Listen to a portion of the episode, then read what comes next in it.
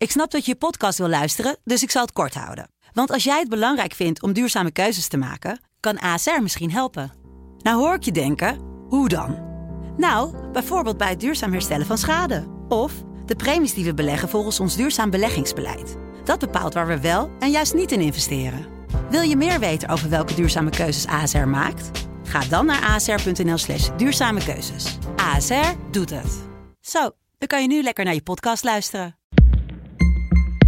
Audiohuis. Hoi, ik ben Tina Nijkamp. Elke werkdag blijf je op de hoogte van de kijkcijfers, het medianieuws en hoor je mijn kijktips. Dit is Tina's TV-update. Goedemorgen, het is 20 februari. Tijd voor een nieuwe podcast met heel veel kijkersvragen, kijktip en natuurlijk de kijkcijfers. Maar eerst het medianieuws. En ik heb nieuws over Floortje Dessing. Want Floortje Dessing is bezig met een nieuw programma. Een reisprogramma opnieuw. En dat gaat over de oceaan. En zij gaat daar heel veel voor op reis. En het betekent denk ik wel dat ook voorlopig er een einde komt aan de serie Floortje naar het einde van de wereld. Want ik neem aan dat dit al haar tijd zal uh, opslokken. Deze serie over de oceaan, die gaat uh, op NPO 1 lopen wederom. En is dit najaar daar te zien. En wederom is het ook weer voor omroep BNN Vara. Daar is Floortje Dessing op dit moment dus druk mee bezig.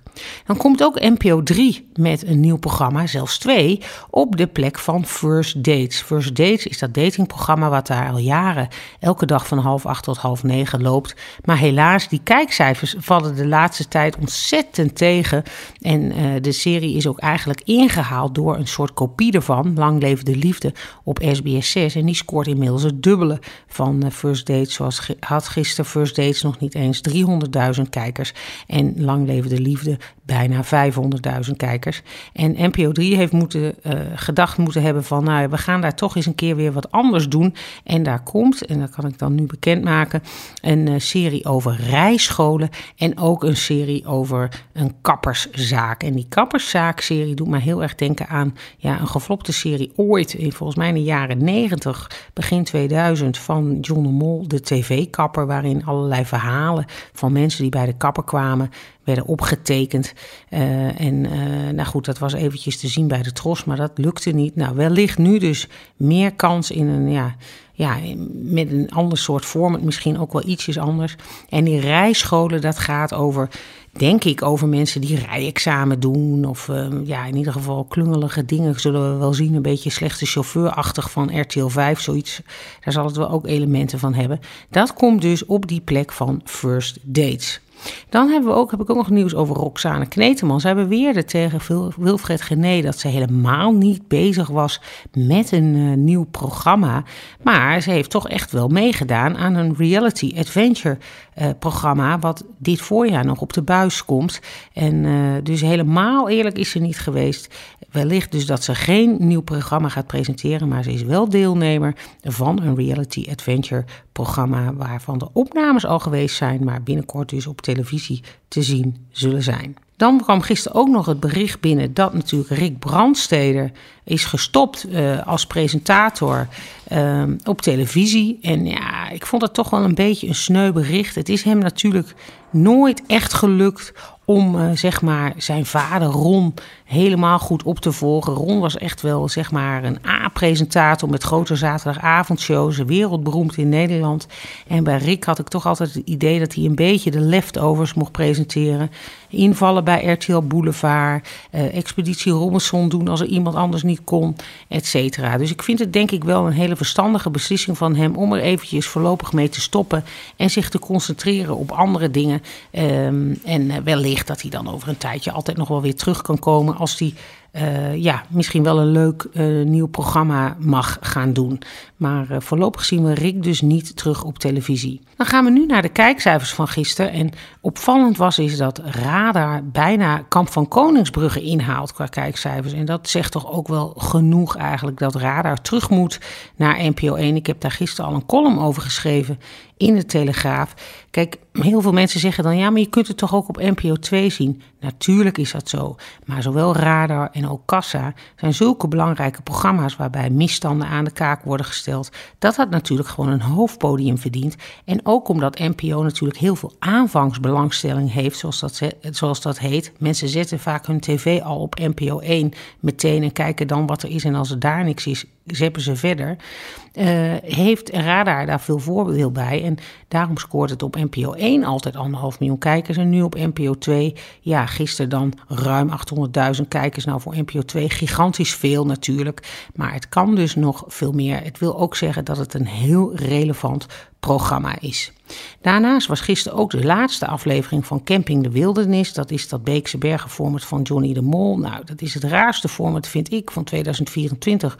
Omdat ik eigenlijk niet weet waarom ze naar Afrika zijn gegaan. En uh, dat programma is toch, uh, zien we denk ik niet meer terug. Want had nog maar 415.000 kijkers. En voor Sjoerd van Ramshorst is de week weer goed begonnen. Met 812.000 kijkers voor Met het Mes op tafel. Dat is een beetje in de range van Herman van der Zandcijfers. En uh, hij is toch wel uitgegroeid tot een echt een NPO-gezicht. Een beetje de, ja, de nieuwe generatie uh, presentatoren. En ik denk dat we de komende tijd nog heel veel van hem gaan horen. En dat brengt me natuurlijk ook op de, op de vraag: wat doet Herman van der Zand nu eigenlijk? Hè? Nu hij dus niet meer met het mes op tafel doet en weg is bij de NOS. Nou, daar heb ik eens even ingedoken. Maar Herman doet alleen nog maar een radioprogramma, Spraakmakers. En voor de rest is totaal onbekend wat hij doet. Wellicht is hij bezig met nieuwe opnames voor een tv-programma, nog geheim. Maar uh, vooralsnog lijkt het erop dat de werkweek van Herman van der Zand best wel rustig is. En dan gaan we daar door naar de kijkersvragen. Hoeveel invloed heb je als omroep op wanneer programma's uitgezonden worden? En hebben de genre-managers hier ook inspraak op of alleen inhoudelijk?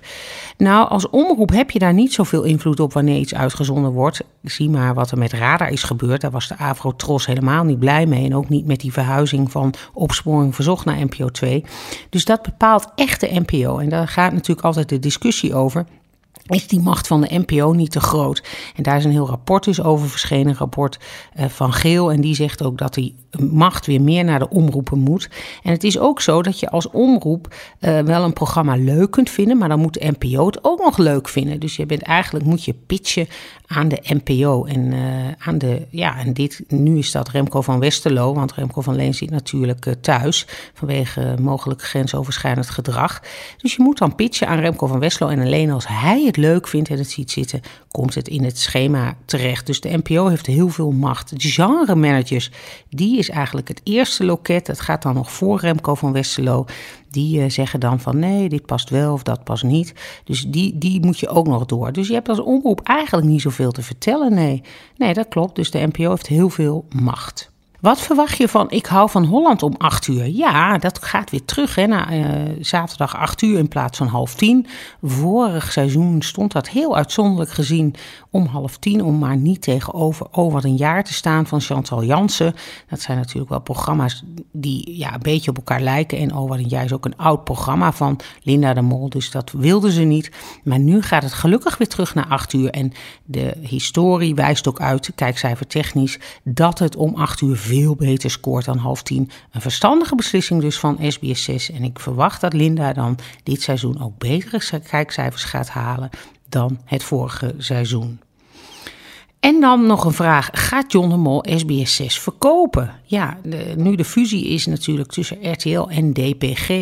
werpt ook de vraag zich op van... gaat John de Mol SBS 6 en al die andere zenders verkopen?